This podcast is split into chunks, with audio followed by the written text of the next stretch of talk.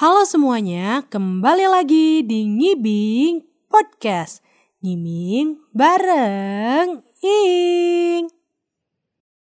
Oke, teman-teman, uh, di episode live kali pertama ini, aku juga nggak sendirian. Di sini aku ditemani teman aku, di mana dia juga sama penasarannya sama aku untuk topik yang akan dibawakan malam ini. Kita bakal ngobrol ngobrol bareng juga kita sambut Nova. Hai, aku udah join dari tadi. iya nih, kita kenalan dulu nih sama Kak Nova nih. Hai, aku Nova, aku temannya Inggar. So ya, mm-hmm. sama kok aku juga pengen penasaran nih sama spiritual seeker karena walaupun aku ikut sama dia gitu atau menjelasin apa pun mm-hmm. penting itu aku browsing browsing itu kayak aku masih penasaran tentang spiritual seeker so ya yeah, aku akan okay. menemani dia sini Oke, okay. mungkin Naf eh, nggak uh, usah lama-lama kali ya kita panggil aja nih bintang tamunya nih Ara nih kita undang nih aranya nih Naf. On, Ara join yuk. Ara, Ara, ah, iya nih aranya udah masuk. Ini kali pertama aku ketemu sama Ara juga. Eh, maksudnya baru iya, ngobrol iya, juga sama Ara. Oke. Okay. Oh. Ara apa kabar Ara? Baik, baik banget. Sangat baik, Alhamdulillah. Gimana Inggar dan apa? Ini sorry, nggak bisa pakai virtual backgroundnya. Oh ya, nggak apa-apa, nggak yes, apa-apa. Baik, Aku juga baik, Ara. Bisa pakai. Kita, kita di sini oh, balik. Gimana okay. Ara? Kabar kamu gimana? Baik, baik. Baik banget kabarnya. Iya, ngelek-ngelek. Hey, kenapa nih? Ada galau-galau atau apa gitu, Ra? Enggak, justru habis dapat blessing kemarin dari oh. Bani, jadi lagi bahagia. Woi, alhamdulillah. alhamdulillah. Mental aman gak, Ra? Gimana semester akhir? Aman, aman, aman. aman.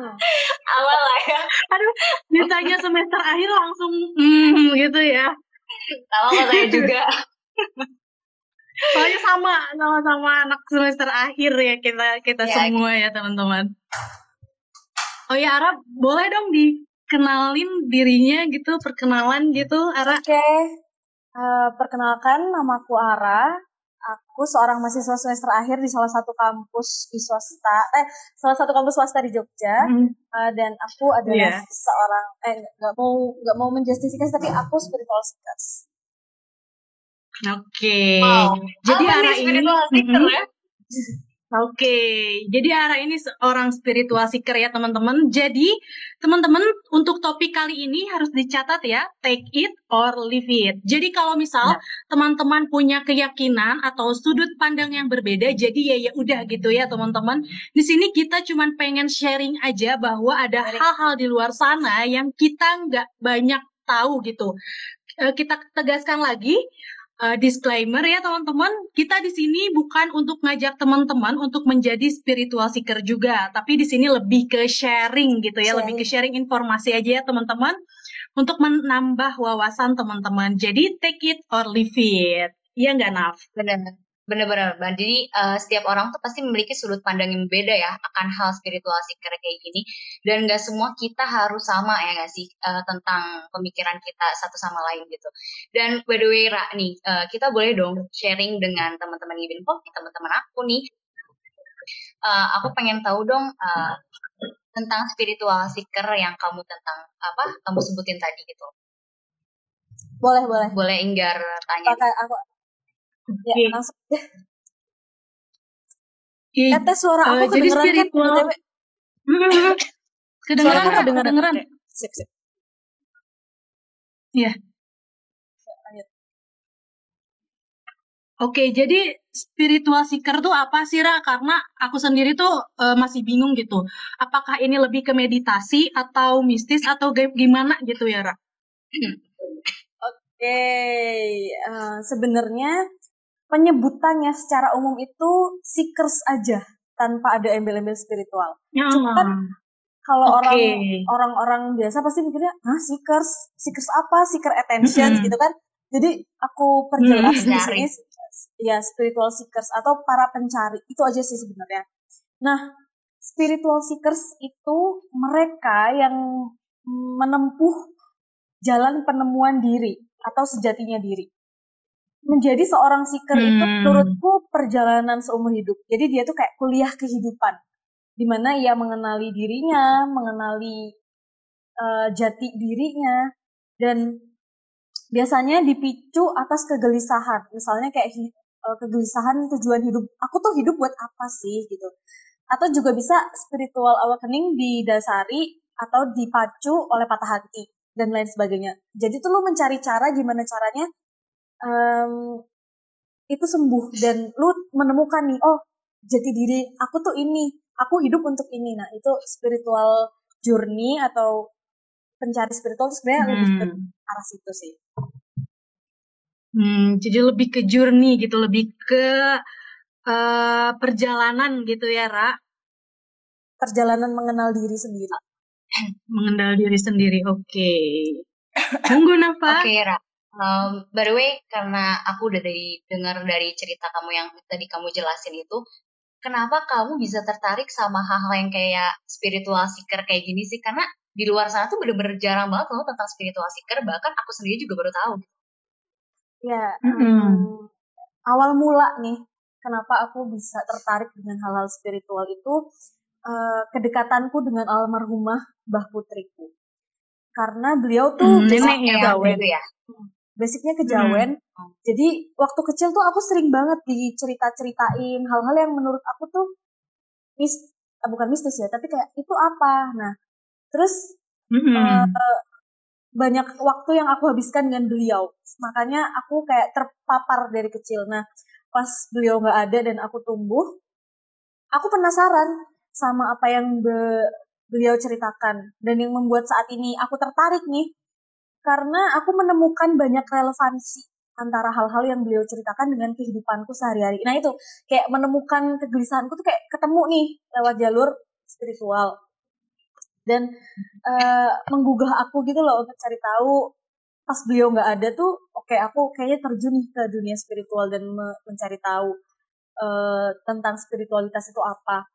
Uh, terus gini, yang bikin aku tergugah banget tuh pernah nggak sih kalian dengar orang zaman dulu tuh selalu selalu kayak uh, pamali ojo ngene jangan gini nanti kualat jangan gini uh, nanti iya. Nah, itu pamali hmm, karena iya, iya. Uh, uh, hmm. karena kata-kata masalahnya tuh hmm, orang zaman dulu nenekku ibuku selalu bilang hmm. railo atau pamali tapi nggak jelasin maksudnya atau maknanya tuh apa nah oh, itu salah satu kegelisahan gue iya, iya, iya. aku harus cari tahu alasannya pasti ada penjelasan dan makna filosofis hmm. di balik kata pamali itu gitu Hmm, iya iya. Berarti uh, kamu tuh um, udah mulai mencari uh, mencari-cari itu semenjak uh, apa dari dulu gitu ya, dari Eyang gitu ya, dari Eyang yeah. Putri gitu. Yeah. Tapi uh, kamu mulai mendalami itu kapan, Ra? Kamu mulai mendalami uh, as a seeker gitu, kayak belajarnya okay. gitu-gitu Ketika, mulai oh, kapan? memutuskan hmm. memutuskan terjun hmm. ke dunia si, uh, spiritual yang benar-benar aku belajar gitu, gak cuma tahu itu hmm. uh, pas 2019 tepatnya bulan September dan kan aku tadi bicara pemicu spiritual itu banyak hmm. kayak misalnya kegelisahan hidup atau patah hati hmm. pemicuku tuh patah hmm. hati Oh, gimana berarti, boleh ya diceritain? Berarti, uh, ketika kamu uh, patah hati itu berarti kamu bisa ini dong uh. kayak semakin terpacu untuk belajar spiritual seeker-nya sih? Iya. Uh, jadi kayak ini kenapa aku patah hati? Karma apa nih yang bikin aku patah hati? Aku mikirnya kan hmm. waktu itu akhirnya kayak aku belajar spiritual karena aku udah mulai nggak bisa kontrol perasaan kenapa aku gelisah kenapa aku sedih hmm. dan selain selain karena eyangku yang mengajariku patah hati juga salah satu hmm. gitu Oh, wow. itu patah hatinya sampai ngurung di kamar gitu atau gimana? Makanya sampai, sampai kamu ada kepikiran itu oh, depresi. Karena karena um, hmm.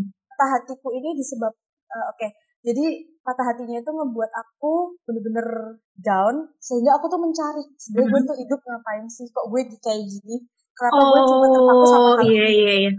jadi akhirnya iya, ah, oh, okay. ngerti ngerti ngerti ngerti ngerti jadi itu salah satu titik balik atau titik terang dalam hidup iya. kamu gitu ya ketika kamu patah hati tersebut oke okay, oke okay. Oke, okay, uh, by the way, Ra, karena uh, apa sih kan biasanya kalau misalkan kita lagi patah hati itu pasti kita bingung nggak sih uh, pemikiran kita tuh belum sejernih ketika kita masih seneng gitu loh. Dan iya. aku pengen tahu dong ketika kamu bangkit uh, setelah patah hati itu, kamu pasti uh, nyari dong belajar untuk menjadi spiritual seeker ini tuh di mana gitu. Selain dari hmm. yang kamu karena aku cari di Google ataupun kayak YouTube or website di mana pun gitu kayak susah yeah. banget. Aku pengen tahu gitu dari mana sih? Jadi si searchnya tuh terbatas gitu ra yeah, yang kita uh, cari itu gitu. ya benar sumber-sumber untuk spiritualitas sebenarnya guru. Dan belajar mm -hmm. spiritual sebenarnya dari banyak hal sih dari kehidupan sehari-hari. Dari orang-orang yang kalian temui setiap hari pun itu belajar gitu. Um, untuk aku ah. pribadi aku belajar spiritualitas dari soulmate-ku. Yaitu tadi yang bikin patah hati. Soulmate atau aku nyebutnya bukan soulmate tapi keluarga jiwa. Keluarga jiwa tuh orang-orang di sekitarku yang memang hadir uh, dan berperan sebagai lantaran Tuhan menuntun perjalanan spiritualku. Uh, selain itu juga aku belajar spiritual dari buku. Dari beberapa buku dan pakar spiritual. Juga bukan diskusi sesama seekers. Atau berdiskusi langsung dengan mereka yang memang udah pakarnya. gitu. Oh iya. Berarti kalau misalkan langsung sama sama hmm. stiker aja gitu ya? Enggak, hmm, enggak cuma sama itu. kalau pakarnya itu online atau gimana, Ra? Atau ketemu langsung? Uh, pak ada dua. Kalau pakar tuh kebet karena hmm.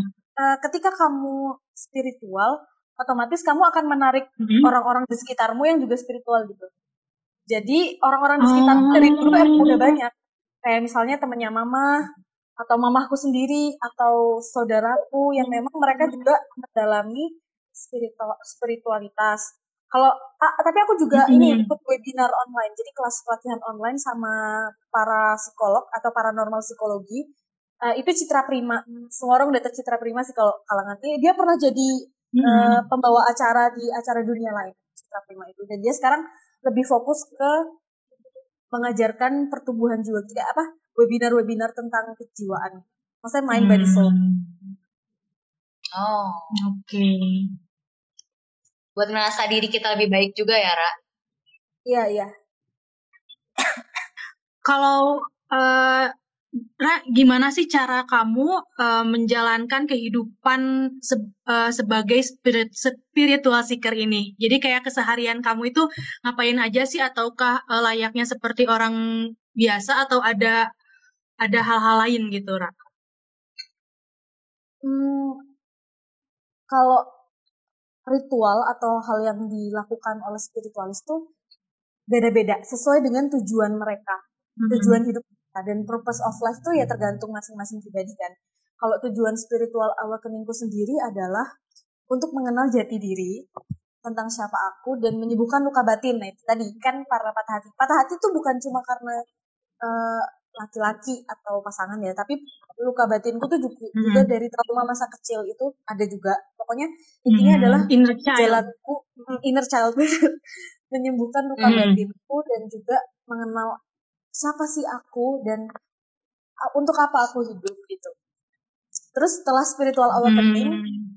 aku lebih jadi filosofis anaknya jadi setiap hal yang aku lakukan itu pasti ada makna uh, yang hmm. terkandung di dalamnya. Terus juga sekarang tuh banyak mengintegrasikan beberapa teori spiritual dalam kehidupan sehari-hari. Contoh nih contoh, meditasi. Hmm. Meditasi terus uh, menenangkan pikiran, memfokuskan pikiran. Oke, okay, hari ini aku melepas segala uh, energi negatif untuk menyiapkan hari ini agar lebih baik dari hari kemarin. Terus aku juga lebih mindful dan juga ada beberapa kegiatan hmm. lain. Uh, terus uh, ada hal nih yang aku garis bawahi sebagai seorang seekers ya. Uh, hmm. Semakin kita belajar tentang spiritualitas, semakin kamu mm -hmm. tahu banyak hal banyak hal pokoknya ketika kamu belajar kan pasti kamu mendapat info baru info baru iya maka knowledge kamu kita bertambah iya bertambah kita kita justru jadi lebih tenang dan lebih diam karena karena karena hmm. apa ya hmm. setelah tahu banyak hal tuh wah ternyata banyak ya yang belum aku tahu gitu jadi uh, setelah spiritual tuh nggak terus jadi kayak ngajarin atau menggurui atau yang kayak ah lo salah enggak hmm. tapi jauh oh, lebih nggak ngejudge lah jadi yeah. semakin tahu semakin gak ngejudge ya yeah.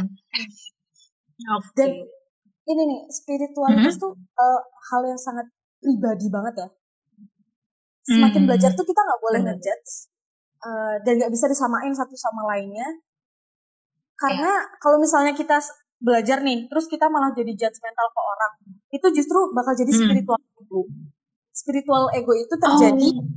kalau pencari spiritual hmm. terlalu etnosentris terhadap apa yang dia pelajari dan hmm. kayak mengeksklusifkan diri itu nggak boleh oh. dan makanya tuh semakin belajar tuh semakin kayak lebih kalau ya udahlah semakin Hmm, ya, semakin ya tuh setiap orang berbeda. Karena kita udah gitu, tahu ya, lebih ya, udah lah gitu. Ya. Karena spiritualis tuh percaya bahwa proses yang dijalani setiap orang itu punya timingnya masing-masing dan tidak akan sama. Benar. Tuh, tuh, betul. Itu relate sih. Bener-bener relate, relate. Ya, benar-benar. Um, baru Wira, uh, karena aku yakin banget teman-teman di sini juga kayak penasaran banget nih kayak sebenarnya spiritual seeker tuh mereka ngelakuin apa aja sih gitu loh apa yang uh, kamu lakukan selama menjadi spiritual seeker gitu? Semenjak dari hmm. kecil sampai sekarang tuh apa yang kamu lakuin sih? Oke. Okay. uh, eh, aku mau bahas ya tentang ritual atau hal-hal yang dilakukan oleh seekers. Setiap orang itu balik lagi ke tujuan dia kenapa uh, mengalami kebangkitan spiritual. Ada yang tirakat ke tempat-tempat yang sakral, ada yang uh, mencari tahu jati diri leluhurnya, ada yang uh, berguru ke padepokan-padepokan. Tapi kalau aku pribadi, uh, sejak aku kecil ya, dari dulu menjadi seorang seekers, kan tapi aku juga muslim dan aku perempuan Jawa. Jadi aku tuh nggak cuma belajar spiritualnya aja, karena banyak yang keblinger kalau belajar spiritual, tapi yang lain dilepas gitu. Kalau aku nggak, Iya. Uh, jadi aku selain mendalami spiritual, aku juga melihat dari segi agama dan juga kebudayaan adat Jawa. Jadi mengintegrasikan hmm. ketiganya gitu loh. Hmm. dan jadi harus gak, uh, menyeimbangkan juga kan? Iya, harus hmm. balance. Semuanya tuh harus balance hmm. karena keseimbangan menurutku itu tetap penting karena saling mengisi satu sama lain. Hmm. Dan selain mengkaji dari tiga aspek tadi spiritualitas, agama dan budaya, aku juga nggak cuma belajar tapi mengintegrasikannya ke kehidupan sehari-hari.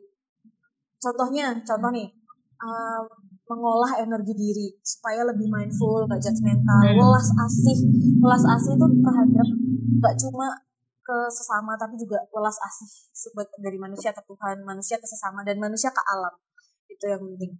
Dan juga beberapa kebiasaan aku yang nggak hmm, dilakuin orang tuh mungkin yang jarang ya kalau sesama sih itu udah biasa uh, bakar dupa dupa itu kan kesannya mistis padahal enggak itu cuma untuk cleansing hmm. dan wanginya tuh itu re relax kan nah, ya. itu wanginya bikin relax kan ya. kayak aromaterapi gitu ya lebih ke aromaterapi Iya. Lebih ke aromaterapi gitu mungkin ya kalau iya. kita tuh gitu lihatnya. Uh, dan itu tuh dupa dipercaya sebagai penghantar doa kalau orang-orang. Kayak cuma lantaran aja bukan sesuatu yang mm-hmm. sama, sama sekali kalau yang ya, bukan sesuatu kamu untuk meminta kan ya? Enggak untuk perantara aja doanya tuh tetap mm-hmm. kayak yang maha kuasa. Nggak ada doa doa justru yeah. kita doain loh. Jadi itu lebih ke media gitu ya? Media hmm, lebih ke media. Hmm, iya iya. iya kalau kalau kebiasa kenapa?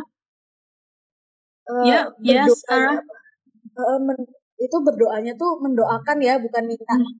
kadang suka ada yang salah yeah. kaprah ke leluhur tuh minta itu enggak sama sekali justru mendoakan semoga leluhur yang hmm. sudah berperan banyak untuk kita mendapatkan uh, manfaat apa yang mendapatkan hmm. keberkahan dari apa yang telah mereka berikan ke anak cucu ah. oh ya terus uh, aku tuh jadi lebih disiplin di kesehariannya setelah kebangkitan spiritual karena aku lebih memaknai hidup jadi apa pun yang aku lakukan itu uh, hmm. ada ini ya ada filosofinya karena mental oh. spiritual sendiri ini ini katanya ya kata Citra Prima yang aku hmm. sering ikut webinarnya hmm. karena mental hmm. spiritual hmm. sendiri akan membentuk diri yang kuat di mana ketika dihadapkan pada segala situasi tetap bisa pada kondisi yang seimbang nah itu tadi seimbang antara agama adat budaya dan segala apa pun yang dia percaya itu seimbang gitu nggak ada yang lebih atau nggak ada yang kurang dan bisa menyadari sisi emosionalnya itu sih hmm oke okay. berarti tadi itu uh, kamu tuh kayak yang uh, lebih ke menyeimbangkan ketiganya dan juga kamu uh, melakukan seperti kebiasaan-kebiasaan itu. Uh, kalau kebiasaan yang lebih spesifiknya selain uh, menggunakan media seperti itu uh, bag apa ya kayak gimana gitu bagaimana? Oke okay, oke. Okay. Aku hmm. pribadi nggak ada ritual tertentu atau kayak aku tuh lebih hmm. seringnya lebih sering doa. Tapi doanya tuh kayak hmm. kayak lewat meditasi itu tadi atau afirmasi positif. Karena setiap orang beda kan pasti hmm. ritual tergantung kebutuhan. Oh ya, juga sering puasa. Hmm. Oh, sama ya. Puasa. Hampir sama seperti uh, kita lah ya. Iya, ya. puasa itu untuk mm-hmm. me mengekang nafsu kan itu tuh penting banget sih untuk para uh. yang belajar spiritual karena kita harus mengkosongkan diri menenangkan diri biar biar bisa kalau istilahnya apa sih menerima informasi baru biar biar belajar ke depannya lagi karena untuk belajar hal yang lebih masa hal yang lebih lebih kayak gimana ya bukan lebih mistis tapi lebih dalam itu membutuhkan mm-hmm. ketenangan yang lebih dalam juga. Jadi konsentrasi lebih kuat lah ya. Mm-hmm. Harus fokus. Mm-hmm. Aku sering puasa puasa itu hal yang kudu sih karena itu membersihkan diri juga kan. Mm-hmm. Biasanya puasa apa yang kamu lakuin Apa ada hari-hari tertentu nggak? Hari-hari tertentu. Hmm. Hmm, kalau puasa normalnya Senin Kamis itu Oh. Biasa kan ya Senin Kamis. Terus ini puasa weton. Mm-hmm.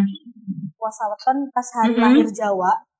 Itu kan spesifik ya. Mm-hmm. Nah, itu tuh dipuasani supaya apa? Supaya weton uh, kan sensitif tuh pas kita weton. Jadi mm-hmm. dipuasani biar lebih tertata, biar lebih anteng gitu-gitu sih, biar lebih bisa mengendalikan mm-hmm. diri. Intinya gitu. Pas hari lahirnya dipuasain. Mm-hmm itu puasa. Karena pas kita puasa kan kita melatih untuk nafsu, uh, menahan nafsu kita kan ya. Jadi mau gak mau kita harus bisa menenangkan diri ya sih. Ya, itu sering puasa itu penting banget untuk kontrol diri juga biar enggak. Ya pokoknya untuk mengontrol diri aku puasa sih. Terus puasa. Hmm. Selain, selain kebiasaan-kebiasaan lain tuh ritual spesifik yang aku lakuin selain ibadah wajib, hmm. aku juga hmm, meditasi itu hampir tiap hari karena aku anaknya mm-hmm. emosionalnya tinggi jadi ah. mau nggak mau itu itu salah satu ujianku juga dalam menjalani kehidupan bersama yeah, yeah. di mana em emosiku tuh sangat tinggi jadi uh, mm-hmm. aku meditasi tiap hari biar aku nata nata emosi gitu dan ada tata aku, cara tertentu gitu nggak sih nggak ada untuk meditasi oh nggak meditasi itu hmm. intinya berdiam diri kayak diam mm -hmm mengosongkan pikiran-pikiran dari hal-hal yang mengganggu mm -hmm. dan melakukan kayak self talk gitu. Tapi posisinya bebas. Posisinya yang penting relax. Dan kamu tenang. Relax yang penting. Boleh duduk ya. Duduk ya biasanya ya, ya kalau meditasi tidur juga boleh loh. Tidur juga boleh oh, tidur boleh. Iya boleh. Jadi tidur ada salah satu sama kemarin tahu.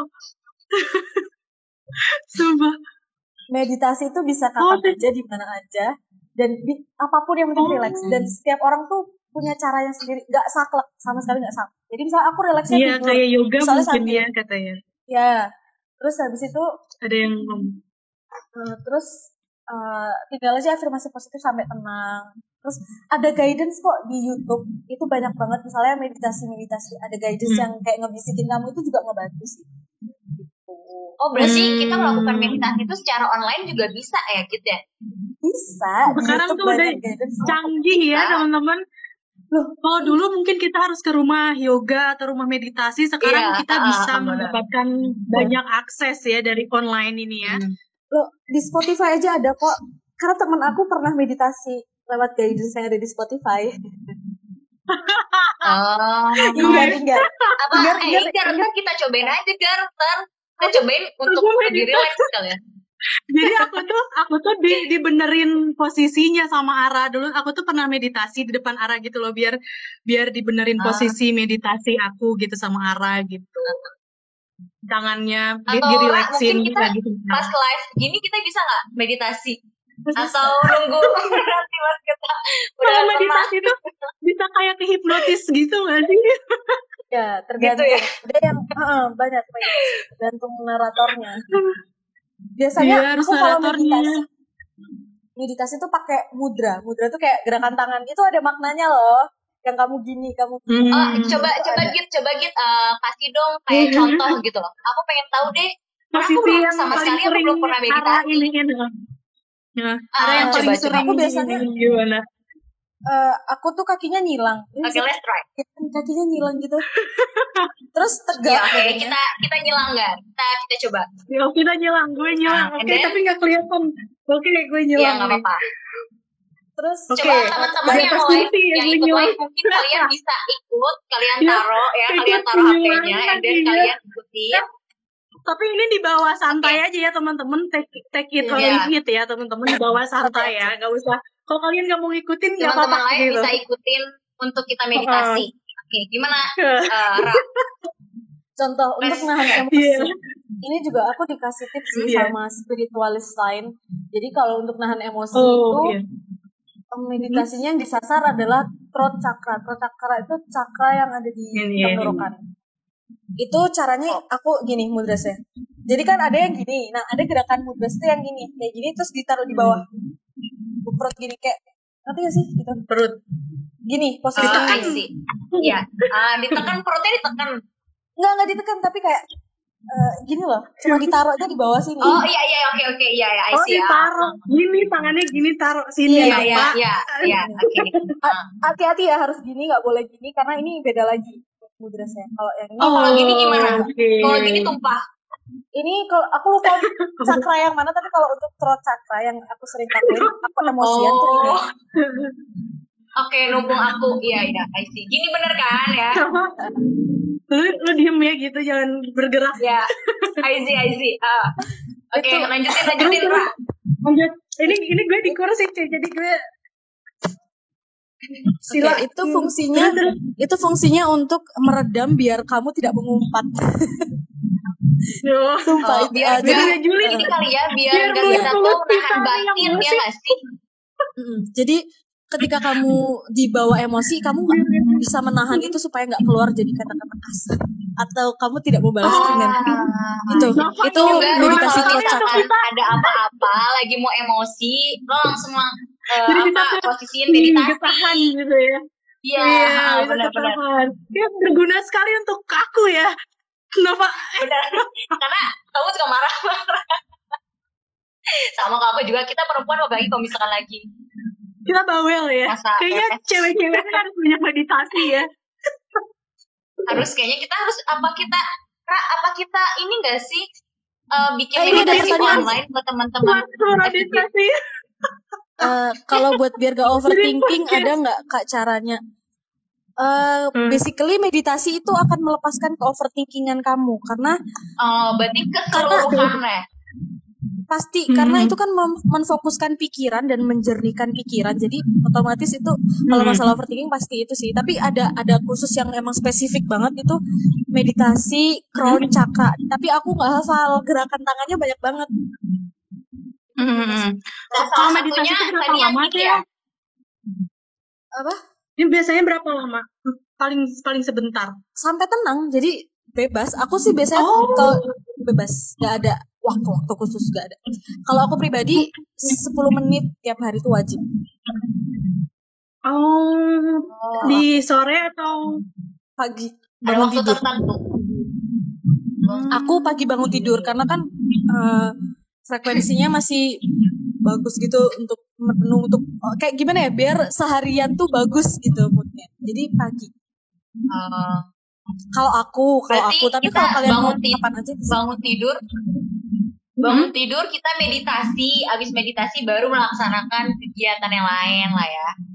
Supaya hmm, jadi lebih lebih energinya lebih ini ya kali biar lebih, tertata. tercharge gitu ya. Yeah. Anyway, ini ada pertanyaan, ada pertanyaan. Setiap meditasi. Eh, nanti gitu, nanti di question box ada juga. Nanti aku ya. Banyak banget itu deh ini Sandra. Hmm. Sandra uh, kayaknya gitu ada banyak banget. Nanti kamu mau dikirim sampai pun apa? meditasi gitu ada waktu khusus enggak? Udah ya, tadi ya dijawab udah, itu terserah katanya. Nah, terserah. Tapi uh, area pagi hari setelah hmm. bangun tidur ya kan. Hmm. Ini nih, nih muncul nggak? Ada nggak? Muncul nggak pertanyaannya? Muncul. Mana sih? Oke, okay, mungkin setelah oh, setelah terjun di dunia spiritual ini, apakah ada pantangan yang nggak boleh dilanggar katanya? Um, Dalam kehidupan kesehariannya, Hmm. Nggak ada sih. Maksudnya Misal, kayak misalnya nggak boleh, boleh pakai baju boleh. warna apa gitu. Ya dilarang barang gitu loh.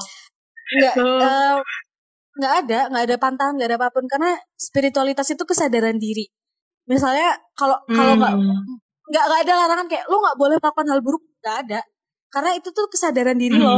Lo melakukan hal buruk ya itu kan oh. kesadaran lo gitu. Jadi terserah itu ya, ya, ya. kedisiplinan diri masing-masing. Gitu ya. Mm-mm. Ya, dan diri masing-masing. Tapi aku setelah belajar oh. spiritual oh. menghindari hal-hal negatif mm-hmm. dan hal-hal hitam. Ah, oke okay, oke. Okay. Eh, ini anyway, ada aku ini mau... lagi nih. Ah, pertanyaan lagi coba lanjut lanjut. Apakah ada paguyubannya Apakah ada? juga kak? Uh, paguyubannya ada nggak? komunitas atau komunitas? Ya. Menarik. Paguyuban. Hmm. Ya banyak. Hmm. Apa tuh nama komunitasnya? Apa namanya? aku hmm. tapi aku nggak bisa sebut gini jadi oh. banyak yang seekers tuh yang saling berbagi berbagi uh, berbagi mm-hmm. Pengalaman dan cerita itu banyak banget mm-hmm. dan itu biasanya kayak ya udah mm-hmm. antar temen kayak bikin grup gitu loh bikin grup diskusi ada yang tiap minggu ada yang tiap apa tapi aku pribadi karena mm. jadwalku jadwalku padat dan aku belum butuh untuk kayak setiap waktu gitu aku nggak ikut sih nggak mm -hmm. ikut paguyubannya tapi banyak banget ya yang sesama di diskusi mm. gitu aku sendiri Mungkin pernah Sandra masuk mm, pernah masuk Sandra kalau mau ikut bisa nyari sendiri ya Sandra oh berarti yeah. Iya. uh, kalau misalkan kayak aku nih hmm. aku Inggar pengen coba untuk uh, menjadi kayak kamu gitu bisa dong ya untuk bisa hmm. join ke grup kayak gitu bisa oh. biasanya harus kayak kenalan kamu tadi dulu. pernah pernah oh pernah gabung itu tapi gimana ceritanya pernah hmm. jadi kan waktu awal-awal spiritual awakening aku ya itu hmm. ketemu soulmate atau keluarga jiwa yang tiba-tiba ngechat ah, bukan ngechat sih sebenarnya kayak kenalan aku gitu terus dia nanya kamu mau masuk hmm. grup nggak ini ada grup yang ngebahas tentang sejarah dan lain-lain dan spiritualitas terus aku mau ikut itu sekitar aku bertahan berapa bulan ya hmm, tiga bulan pokoknya dari Februari sampai April 2020 tapi karena waktu itu aku nggak hmm. aktif ya kan aku maksudnya mahasiswa yang ada jadwal kuliah itu hampir tiap malam diskusi yeah. sampai sampai eh, chatnya tuh bisa ribuan hmm. gitu loh akhirnya aku di drop hmm. out karena nggak aktif gitu tapi so far aku belajar aku hmm. gitu dari mereka dan ada beberapa hal yang aku ikuti tapi udah nggak hmm. lagi karena emang kesibukan kesibukan uh, pribadi yang emang belum sanggup sih untuk aktif gitu di grup-grup kayak gitu. Tapi beberapa kali ketemu ya itu ikut webinarnya Citra Prima contohnya ya. Hmm. Kalau pas senggang gitu dan pas tema bahasanya aku butuh biasanya aku ikut. Gitu. Terus ini nih. Oh. Uh, selain hal tadi ya uh, ritual -hmm. spesifik yang aku lakukan adalah recharge energi. Itu yang sering disalahartikan -hmm. sebagai healing. Aku kesel banget.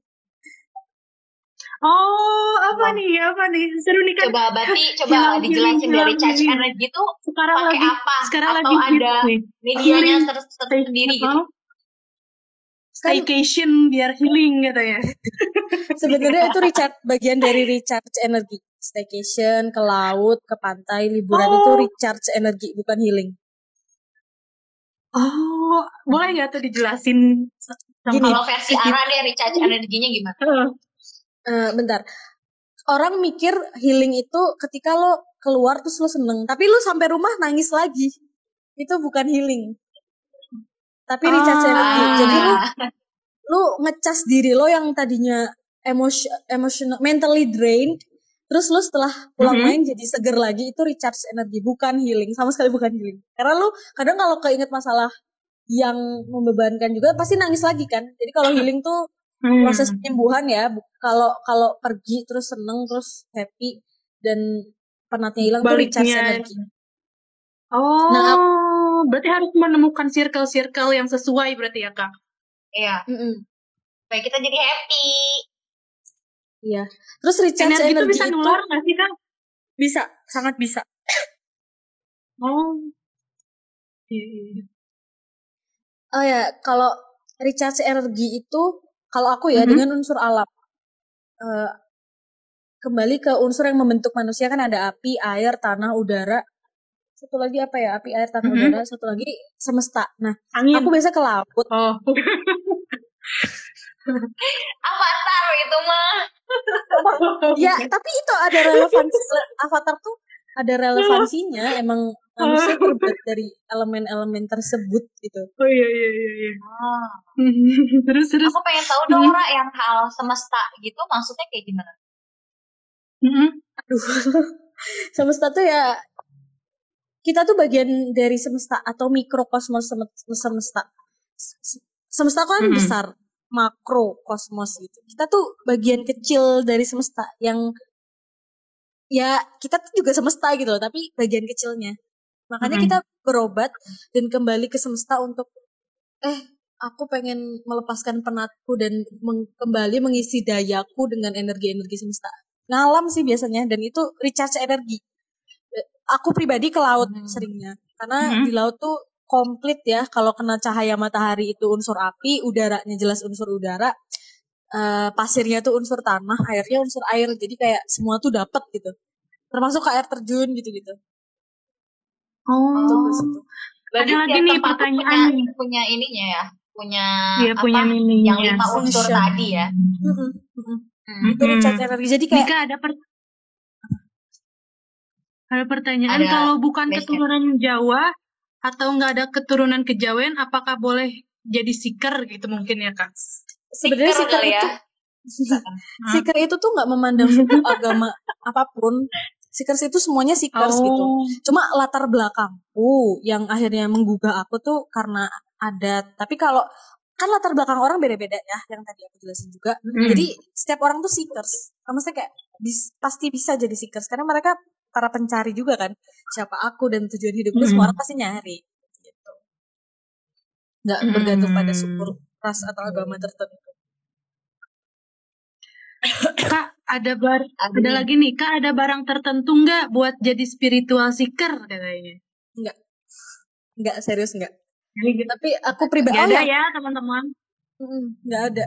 Tapi kalau aku nah tapi aku ada ya. Mm -hmm. jadi salah satu metode aku merecharge energi itu dengan mm-hmm. batu alam. Tahu nggak sih batu akik mm-hmm. itu kan dari alam, memiliki unsur alam. Eh, punya aku punya tuh, alam. punya. Mm-hmm.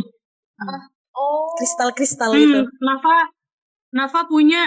Mm-hmm. Iya itu banyak bekas. di rumahnya. Ayah aku tuh dulu, aku kira tuh cuman fungsinya kayak uh, kita disenterin terus kayak eh bagus nih bagus gitu doang loh Ra. Hmm. Senterin aku punya palsu gitu plastik bukan?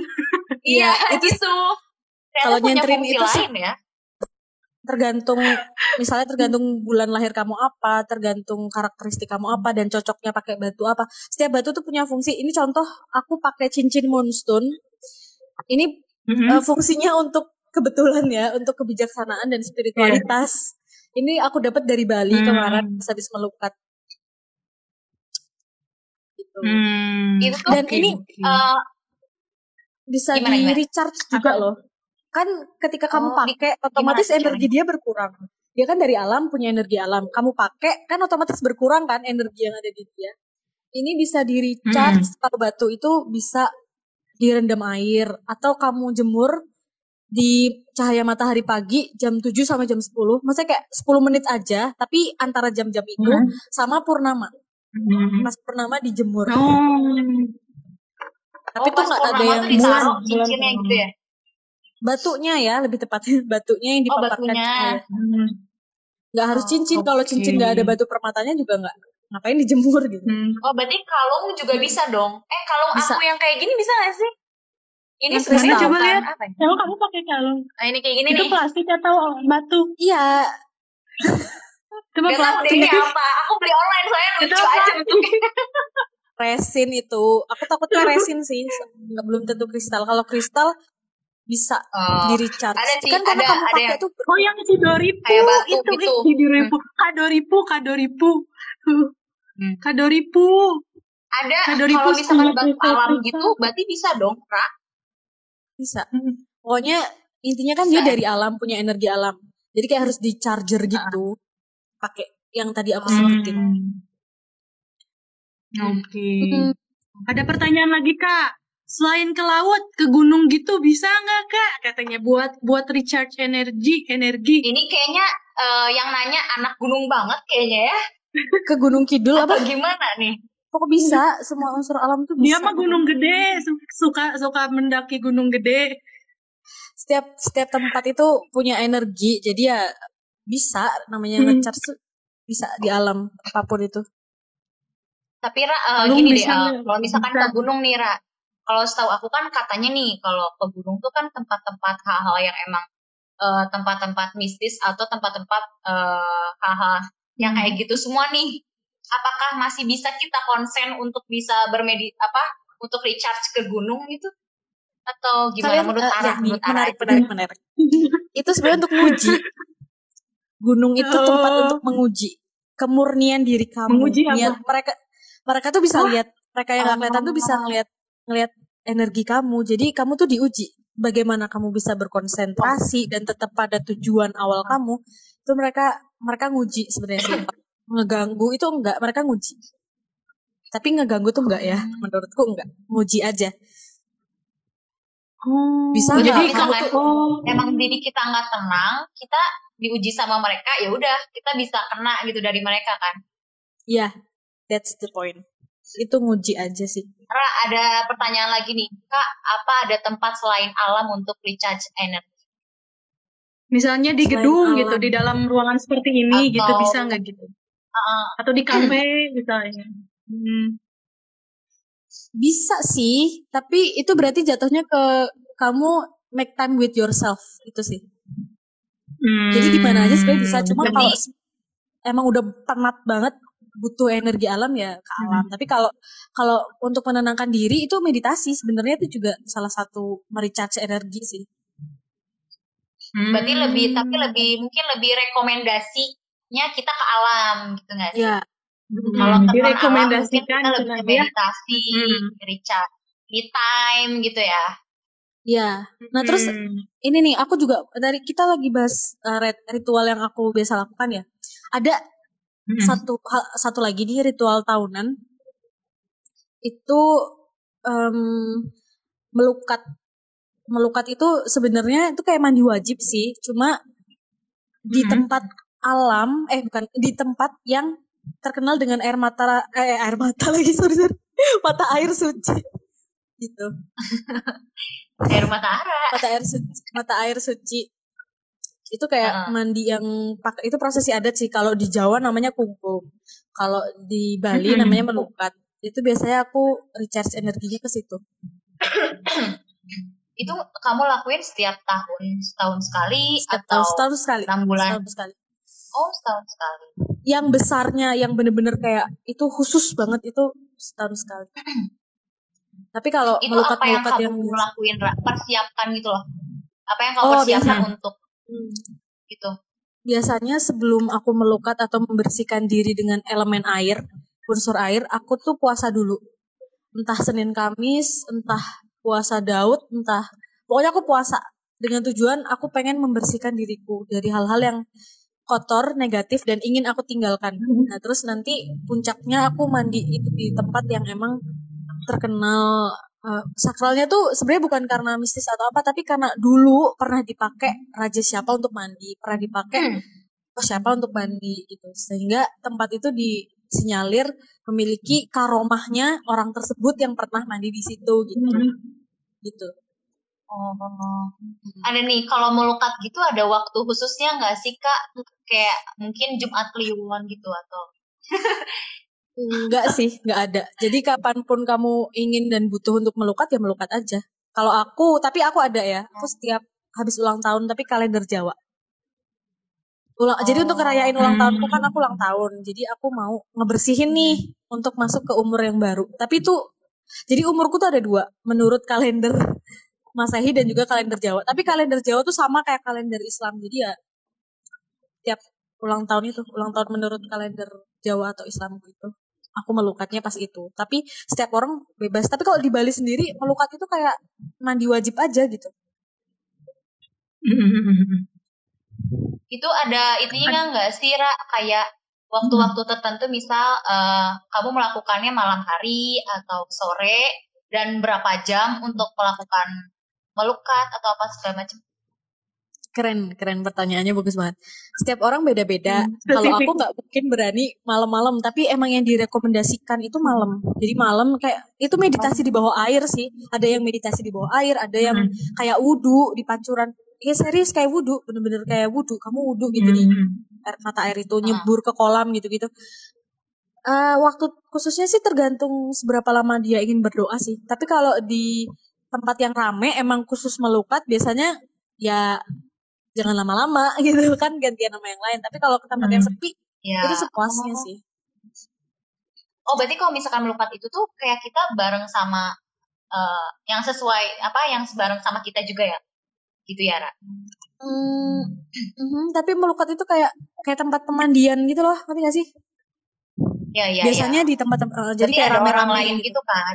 Ada, tapi ada hmm. juga tempat-tempat yang emang sepi. Jadi kalau ke situ ya sendirian bisa jadi gitu. Tergantung seasonnya. Nah, oh, biasanya oh. orang oh. emang ada yang lakuin di hari-hari tertentu dan hari-hari tertentu yang dianggap sakral itu emang rame.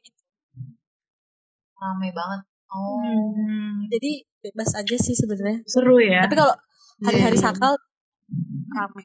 Biasanya penuh gitu, iya iya. Nah, oh, ada ya, pertanyaan Mas, Kak. Oh, ada pertanyaan oh, lagi. Kenapa gimana gimana? Nah, kan Kakak udah sering spiritual gitu. Apakah Kakak bisa ngerasain hawa panas? uh, beda ya spiritual sama indigo itu beda. Ya, panas kalau nggak ada AC mah panas ya. Ya panas. Karena Justru gini gak sih, Ra? Uh, justru kalau misalkan kita nggak yeah. selalu meditasi atau menenangkan diri, kita merasakan hawa hmm. panas ya gak sih? Karena hmm. jiwa kita nggak dibersihkan ya sih, Ra? Iya. Atau nggak ada ada yang ngomongin nih kupingnya panas gitu ya? Iya. uh, bisa uh, gimana ya? Terga hmm. kalau reaksi pas meditasi itu beda-beda ada yang panas ada yang adem hmm. tapi tuh it doesn't matter sih ya. beda-beda hmm. Tapi kalau ngerasain yang serem-serem gitu sebenarnya enggak karena spiritualitas enggak. dengan indigo beda saya beda. Ya. Ini, Ini klarifikasi ya teman-teman. Hmm. Spiritual dan dan uh. indigo beda ya. Beda uh. ya teman-teman. Spiritualitas bukan indigo. iya, orang nggak indigo pun bisa dia spiritual. Tapi kalau ya gitu, pokoknya beda hmm. aja. Oh ya, last but um, not least nih. Bentar, uh. sorry, sorry. Oh, ini ada hal terakhir terhadap lingkungan. Lebih ke peka yeah. terhadap lingkungan. Iya, iya ya, pasti kalau betul betul betul. Pekanya lebih peka. Hmm. Eh, kok teman gue kayak gini ya, itu lebih peka emang. Uh, terakhir nih, terakhir. Healing, ritual healing. yang aku, hmm. uh, ritual atau kebiasaan yang sering aku lakukan adalah bukan ngebaca mantra sebenarnya. Tapi jadi aku jelasin ya, mantra itu menurutku adalah template doa yang sudah ada sejak zaman dulu. Jadi itu te doa tapi template hmm. yang ada dari dulu gitu. Aku hmm. setelah spiritual awakening tuh jadi tahu beberapa mantra dan mengamalkan mengamalkan tapi bukan buat nyakitin orang ya tapi buat berdoa aja gitu. Yeah. Kayak contoh nih contoh, hmm. aku minum obat. Minum obat itu aku biasanya Al-Fatihah dulu tiga kali, tiupin ke airnya terus pas hmm. obatnya masuk aku selalu ngomong tombo teko loro lungo yang artinya obat datang opo, sakit opo. Oh, oh cuman kayak... pakai bahasa Jawa gitu kali ya. Ya. Intinya. Ya, kayak apa ya? Afirmasi positif itu sih. Ah iya, hmm. ah, ah, ah, ah, iya itu. Ada mungkin berarti kalau misalkan apa pun uh, arah yang mau arah lakuin selalu kita afirmasi positif dulu, berdoa dulu, baru kita lakuin itulah ya. Hmm. Jadi nggak sembarangan untuk yeah. kita langsung lakuin. Iya, karena setiap segala sesuatu tindakan itu harus ada makna dan tujuannya. Nggak boleh kayak aku bakar dupa, tapi kamu bakar dupa ngapain? Tujuannya apa? Itu harus ada. Hmm. Itu juga ada bukan mantra kayak aku lebih suka menyebut itu sebagai doa daripada mantra. Itu nih contoh hmm. doa ngebakar dupa itu niat mm-hmm. ingsun ngobong dupa kukuse dumugi angkasa kang anggondo arom pinangka rasa ingsun manembah dumateng Gusti kang akarya jagat.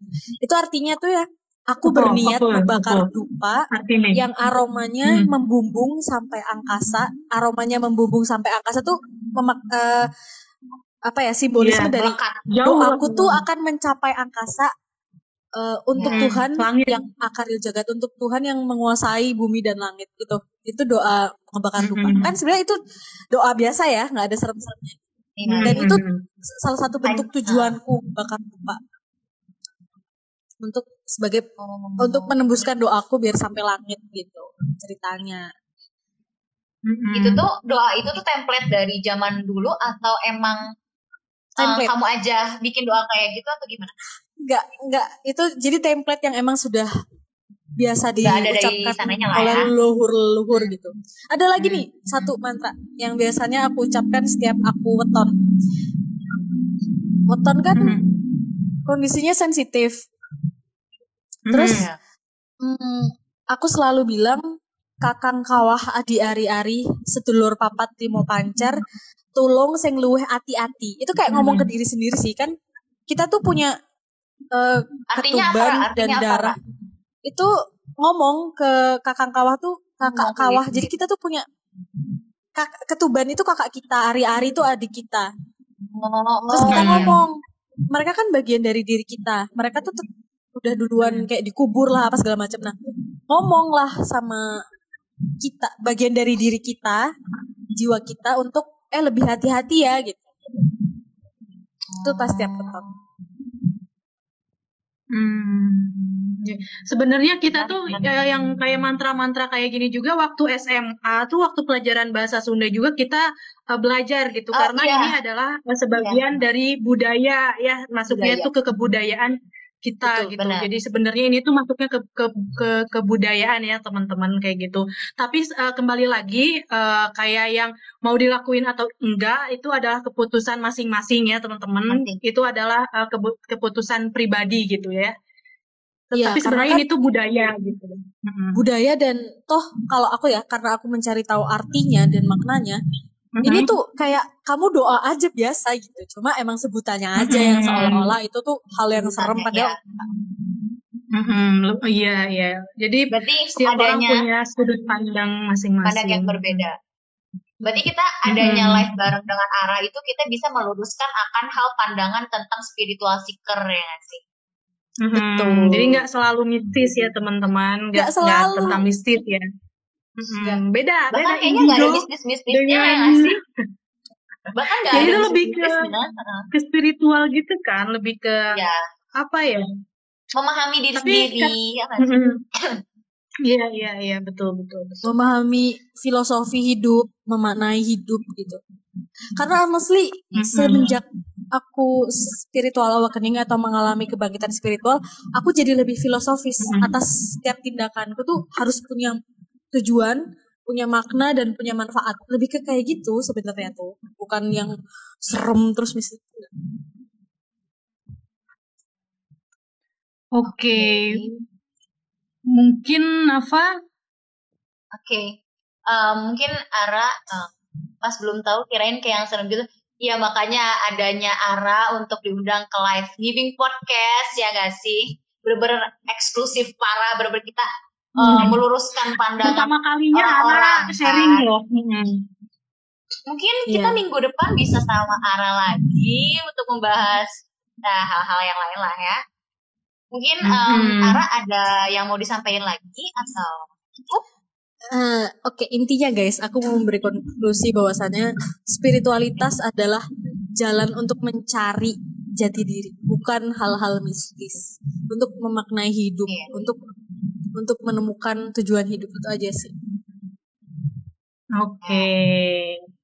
Wow, berarti sangat menarik sekali ya untuk pembahasan kali ini menambah wawasan tentang hal spiritual seeker yang ada di luar sana karena jujur uh, seperti yang aku omongin tadi aku baru benar-benar dengar tentang spiritual seeker karena pasti setiap orang tuh memandang hal ini tuh benar-benar dari sudut yang berbeda ya tapi nggak iya. apa-apa yeah. karena perbedaan itu kan bukan halangan untuk bersatu dan melakukan hal yang mengesankan ya nggak sih Betul. Iya, benar banget, Nafa. Jadi uh, sekali lagi kalau misal teman-teman punya keyakinan atau sudut pandang yang berbeda ya ya sudah gitu ya. Selama spiritual hmm. seeker ini tidak mengganggu teman-teman, jadi jangan diserang atau uh, dan kita harus tetap menjunjung toleransi ya teman-teman. Sekali lagi Mm-hmm. Di sini kita cuma pengen sharing aja bahwa ada hal-hal di luar sana yang eh, nggak uh, banyak orang tahu. Kita tegaskan sekali lagi kita uh, kita di sini bukan untuk mengajak teman-teman untuk menjadi spiritual seeker juga, tapi lebih ke iya. sharing ya teman-teman, lebih ke sharing informasi aja buat nambah wawasan teman-teman. Jadi take it or leave it. Oh ya, uh, jangan lupa uh, pantengin terus uh, Instagram Nibing Podcast karena kita bakal balik lagi dengan tema yang kalian tunggu-tunggu. Aku spill kali ya. Bener-bener. Tentang seseorang yang misalnya baru kenal nih, tapi kayak yang udah kenal lama banget gitu. Itu apa ya wow, ya kira-kira sebutannya ya? Sebenarnya uh, kayaknya Ara tadi udah bilang sedikit-sedikit menyinggung tentang itu ya. Udah apakah kalian tadi enggak atau enggak? Hmm. Apakah kalian enggak atau enggak ya? Pokoknya Boleh pantengin gak sih? teman-teman. Ya, jangan. Kita tahan dulu ya gak sih? Jangan follow. Karena, hmm. Iya, karena uh, untuk bahasan minggu depan tuh bener-bener hal yang kita lakuin setiap uh, semua orang setiap pasti. hari. Ya sih? Ya, semua ya. orang pasti. Oh, iya, gitu loh. Iya. semua orang pasti, kayak pasti misalkan punya. aku baru kenal nih sama Ara apakah kebetulan atau eh gitulah ya pokoknya intinya kayak gitu. Gitulah ya. Ini menarik kita ini, bakal balik lagi nih depan ini ini bakal jadi sesuatu yang sangat bombastis sih. Karena kalau gak nyimak parah sih. Karena ini hal yang mendasar dan setiap orang punya yang bikin ya. yang bikin seneng yang bikin sedih yang bikin hmm. Hmm, pasti okay. ada untuk minggu depan